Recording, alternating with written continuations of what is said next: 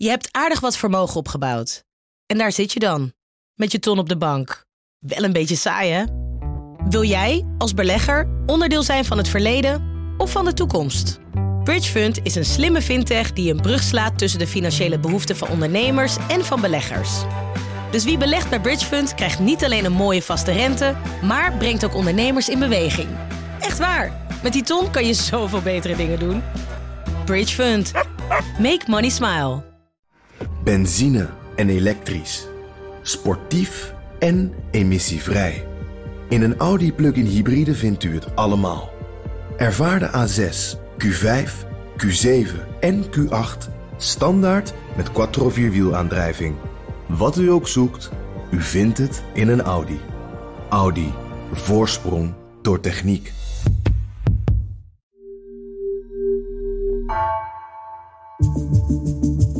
Redactie van NRC het verhaal van vandaag. Mijn naam is Geertje Tunter.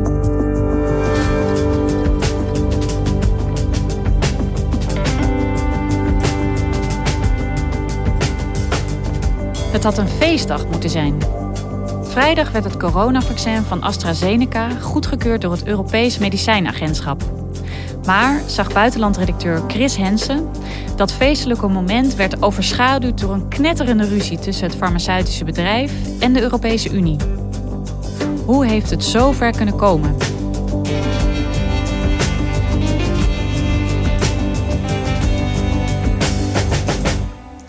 Before we start, I would like to explain to you how we plan to run this press briefing.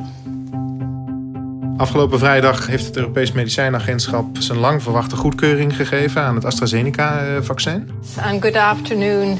It's a real pleasure to announce the third positive opinion for the authorization of the AstraZeneca COVID-19 vaccine. Dat is een moment waar heel erg naar uitgekeken werd. We now have three vaccines that have been developed and recommended for approval against a disease that we did not know one year ago. Ik vond het opvallend dat Emmer Cook, de baas van het EMA, ook zei: None of the vaccines are perfect, hè, van degenen die al voorbij gekomen zijn. None of them has all the characteristics that we might want in, a, in to allow us to move completely forward.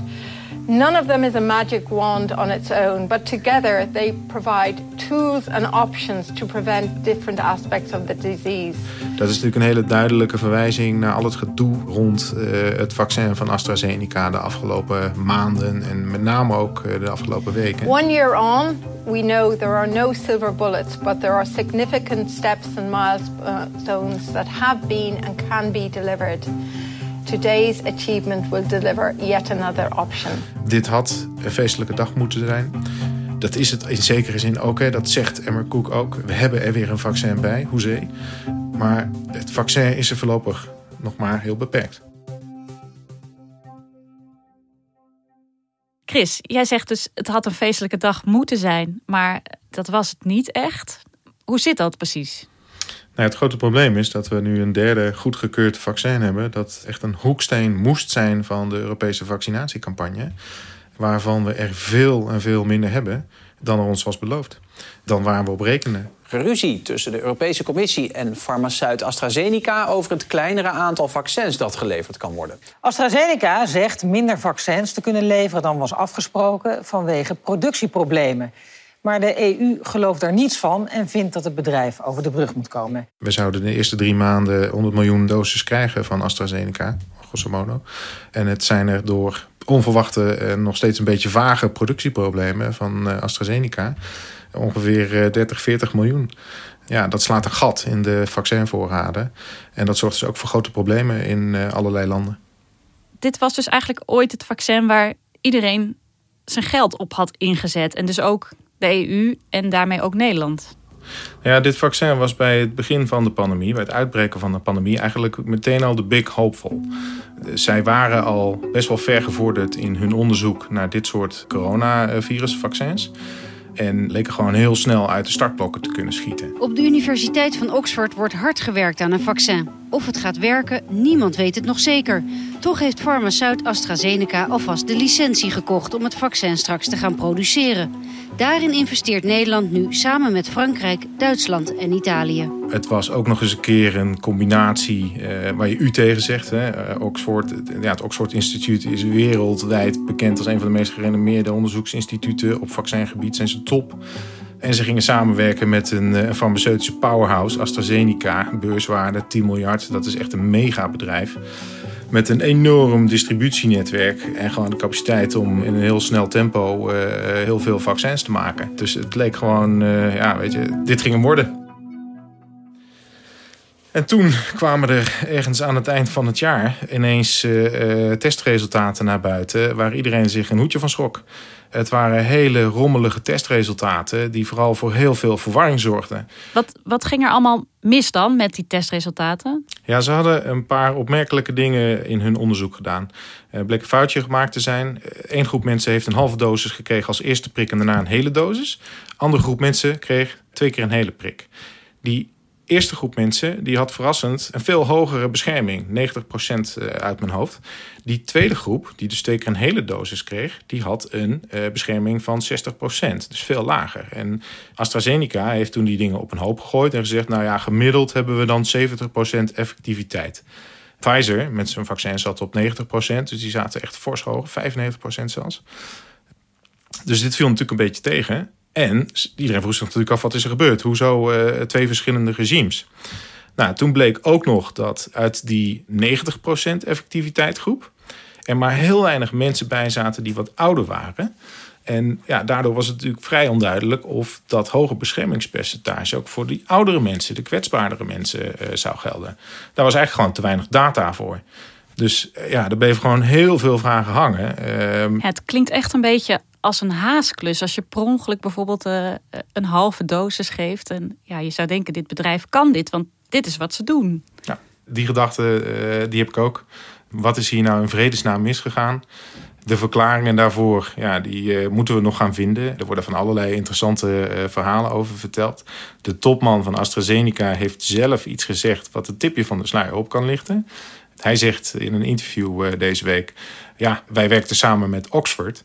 En dat is natuurlijk een ongelofelijke stevige wetenschappelijke instelling. En die wilde heel voorzichtig zijn om ethische redenen met het vaccineren van ouderen. En daarom hebben we die ouderen dus nog niet goed in het uh, proces meegenomen.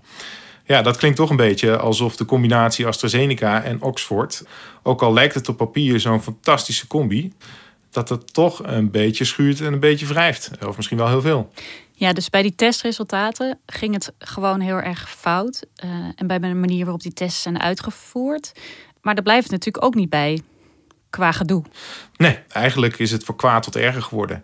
Eigenlijk had na de goedkeuring van het EMA uh, meteen de uitrol van die vaccins moeten kunnen gaan beginnen. Uh, dat gaat ook gebeuren. Alleen zijn het er gewoon echt fors minder dan we hadden gehoopt. Dus nu is het zo dat de EU veel minder doses krijgt dan we eigenlijk hadden gehoopt. En er wordt al uh, een paar dagen achter elkaar geruzied over die contracten. Waar gaat die ruzie over die contracten, waar gaat die precies over? Ja, over uh, hele basale dingen. Hoe hard was de afspraak met AstraZeneca om uh, de 100 miljoen doses en eventueel nog een beetje extra te leveren in die eerste drie maanden van dit jaar? De Europese Commissie die zegt, ja, die afspraak is gewoon in beton gegoten. Uh, je hebt te leveren en als je het niet uit de fabriek in België kunt halen, omdat daar nu niet genoeg vaccin is gemaakt, dan haal je het maar ergens anders vandaan. Bijvoorbeeld uit het Verenigd Koninkrijk, waar ook fabrieken staan. Nou, dat ziet het Verenigd Koninkrijk natuurlijk absoluut niet zitten. Michael Gove, can you tell us your opinion here on the uh, row? Is there any chance that we in the UK might lose out on vaccine? No, the program of vaccination and uh, the supplies were fixed some time ago, um, and we will make sure that uh, the vaccine program proceeds exactly as planned. But of course, we'll want to talk with our friends in Europe to see uh, how we can help. But the really important thing is making sure that our own vaccination program uh, proceeds precisely as planned. Die uh, willen hun vaccins ook graag voor zichzelf houden. En AstraZeneca zegt: Wij hebben afgesproken met elkaar dat wij een best reasonable effort zouden doen om uh, die 100 miljoen doses uh, te produceren uh, en te leveren. En dat is iets anders dan wij zullen. Ja, contractuele, uh, het verneinigen is dus wat is best reasonable effort. Hè? Dat is de grote juridische vraag. Ja, daar zijn de juristen zich nu over aan het buigen. En dat uh, belooft nog een, uh, een spannende discussie te worden. Ja, want dat wil ik natuurlijk aan jou vragen. Wie heeft er, wie heeft er nou gelijk? Ja, de contracten zijn dus nu openbaar. Ook al zijn er nog steeds hele grote cruciale delen weggelakt. Ik heb even gekeken naar wat er nou precies allemaal in staat. Ik vind het heel moeilijk om het te beoordelen. Er wordt een paar keer gesproken over een best reasonable effort. Je kunt je vragen stellen als: hebben ze goed genoeg hun best gedaan om de productiecapaciteit zo snel mogelijk op te schalen? Hadden ze niet nog meer productiecapaciteit moeten uh, bijbouwen? Maar je kunt ook uh, vragen stellen over: is het redelijk om een deel van wat er in België is gemaakt te verschepen naar het Verenigd Koninkrijk. Er is een uh, hoeveelheid vaccins uit België en uit Nederland vermoedelijk naar het Verenigd Koninkrijk gegaan eerder. Uh, want ja, daar had AstraZeneca ook een contract mee. Is dat redelijk? Ja, dat is echt iets uh, waar de rechter uiteindelijk iets over zou moeten kunnen zeggen. want de juristen van AstraZeneca en de Europese Commissie die gaan hier totaal verschillende interpretaties van hebben.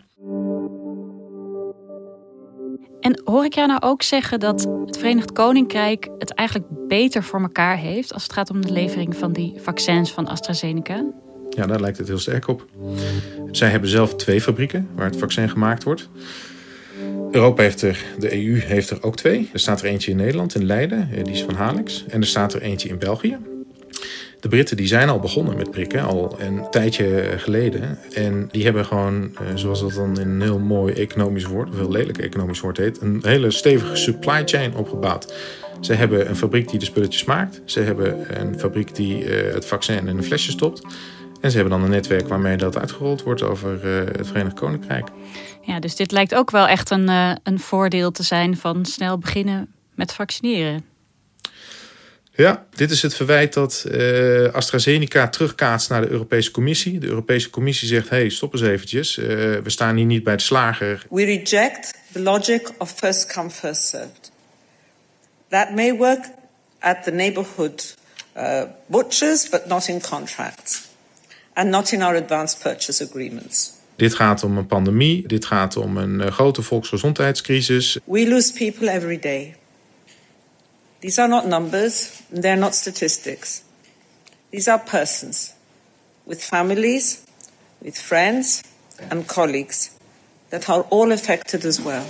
We hebben een contract waarin staat dat je gewoon uh, je beloftes uh, moet nakomen. Maar AstraZeneca zegt, ja, sorry, jullie waren gewoon veel later met het sluiten van het contract met ons uh, dan de Britten. Als de Europese Commissie maar wat sneller was geweest, dan hadden jullie dit probleem niet gehad. Nou, dat is helemaal het verkeerde keelgat ingeschoten van uh, de top van uh, de Europese Unie. Zij hebben vrij uniek de inkoop van die vaccins op zich genomen. Hè, een gezamenlijk programma namens alle EU-landen om solidariteit te verzorgen. En nu krijgen ze van AstraZeneca te horen dat ze gewoon slecht hebben onderhandeld. En lidstaten, waar de vaccinatieprogramma's ook allemaal heel stroef lopen op dit moment en waar heel veel vertraging op hebben, die hebben ook kritiek op de Europese Commissie. Dus ze hebben wat te verdedigen. I call on AstraZeneca to engage fully, to rebuild trust, to provide complete information, and to live up to its contractual, societal, and moral obligations. Thank you very much. De Europese Unie onderhandelt dus heel hard met deze farmaceutische bedrijven, maar tegelijkertijd zijn we wel afhankelijk van ze. Ja, dat heeft deze crisis eigenlijk uh, heel pijnlijk uh, blootgelegd. De Europese Commissie heeft heel hoog op zijn agenda staan het beschermen van belangen van gewone burgers en ook gewone consumenten. Er werden vorderingen geboekt in het zeg maar breken van de sterke eh, machtspositie van farmaceuten. En in deze pandemie ligt de bal eigenlijk gewoon helemaal aan de voeten van de farmaceutische industrie. Um, zij maken de oplossing voor onze problemen. En wat we zien is dat ze enorm voortvarend uit de startblokken gegaan zijn. De snelheid waarmee ze die vaccins hebben ontwikkeld is duizelingwekkend. Maar de hoeveelheden die er straks beschikbaar komen, zijn gewoon echt nog veel en veel en veel te weinig. Betekent dit ook dat wij nu als EU en als Nederland ja, definitief aan het, aan het kortste eind gaan trekken? Ja, die verontwaardiging, dat gevoel van verontwaardiging, dat wordt dus heel sterk ervaren in allerlei Europese lidstaten op dit moment. En door hun regeringsleiders. Je moet het eigenlijk wat breder bekijken. Wij zijn hier in het Rijke Westen dus aan het knokken om uh, die schaarse vaccins. En armere uh, landen in Afrika, in Azië, die kijken ernaar en die denken: ja, maar wij hebben eigenlijk nog helemaal niks, of maar een heel klein beetje. In Afrika zijn er landen die pas denken dat ze ergens in 2023 of zo eens een keertje helemaal klaar kunnen zijn met het vaccineren. Echt waar? Ja. En de baas van de Wereldgezondheidsorganisatie die waarschuwde recentelijk dat de wereld in snel tempo aan het afsteven is op een catastrofale morele mislukking. I need to be blunt. The world is on the brink of a catastrophic moral failure. And the price of this failure will be paid with lives and livelihoods in the world's poorest countries. Dat zijn hele grote woorden. Zo hard heeft hij eigenlijk niet eerder gewaarschuwd. Omdat rijke landen vaccins voor de neus aan het weggissen zijn van uh, armere landen. En waar hij heel pijnlijk eigenlijk voor uh, de westerse wereld op wijst, is wij gaan onze grote groepen gezonde mensen uh, tussen de 18 en de 60, zonder medische ja, indicaties of problemen, eerder vaccineren dan bijvoorbeeld IC-personeel of gezondheidswerkers in Afrikaanse landen. Die echt gewoon met hun, ja, uh, hoe zeg je dat? Die, die midden tussen de coronapatiënten staan. Not only does this me first approach leave the world's poorest and most vulnerable people at risk, it's also self-defeating. Ultimately, these actions will only prolong the pandemic, prolong our pain. Maar je zegt dus, ik hoor jou ook een beetje zeggen tussen de regels door. Misschien moeten we iets minder navelstaren hier in Europa. Ja, dat moeten we denk ik zeker. Uh, iedereen heeft enorme behoefte aan een prik. Ik kan zelf ook niet wachten uh, totdat ik geprikt ga worden. Die, behoefte die snap ik heel goed. Maar ik denk echt dat het uh, beter is om dit soort uh, dingen aan te, te, pakken op een, een, mondiaal niveau. Want er is ook gewoon echt een hele belangrijke medische of gezondheidsreden. Uh, wij kunnen hier straks allemaal gevaccineerd zijn. En is er, als in een Afrikaans land dat virus verder woekert, muteert of wat dan ook, dan komt het straks weer terug. In wat voor vorm en in wat voor snelheid en met wat voor consequenties dan ook. Het is pas over als iedereen ingeënt is. Uh, zo zegt de WHO dat ook. En uh, ja, ik denk dat ze dat goed zien.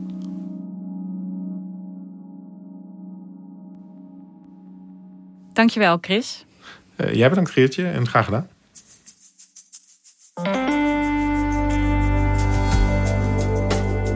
Je luisterde naar Vandaag, een podcast van NRC. Eén verhaal, elke dag. Deze aflevering werd gemaakt door Tessa Kolen en Jan-Paul de Bond. Chef van de audioredactie is Anne Moraal. Dit was vandaag, morgen weer.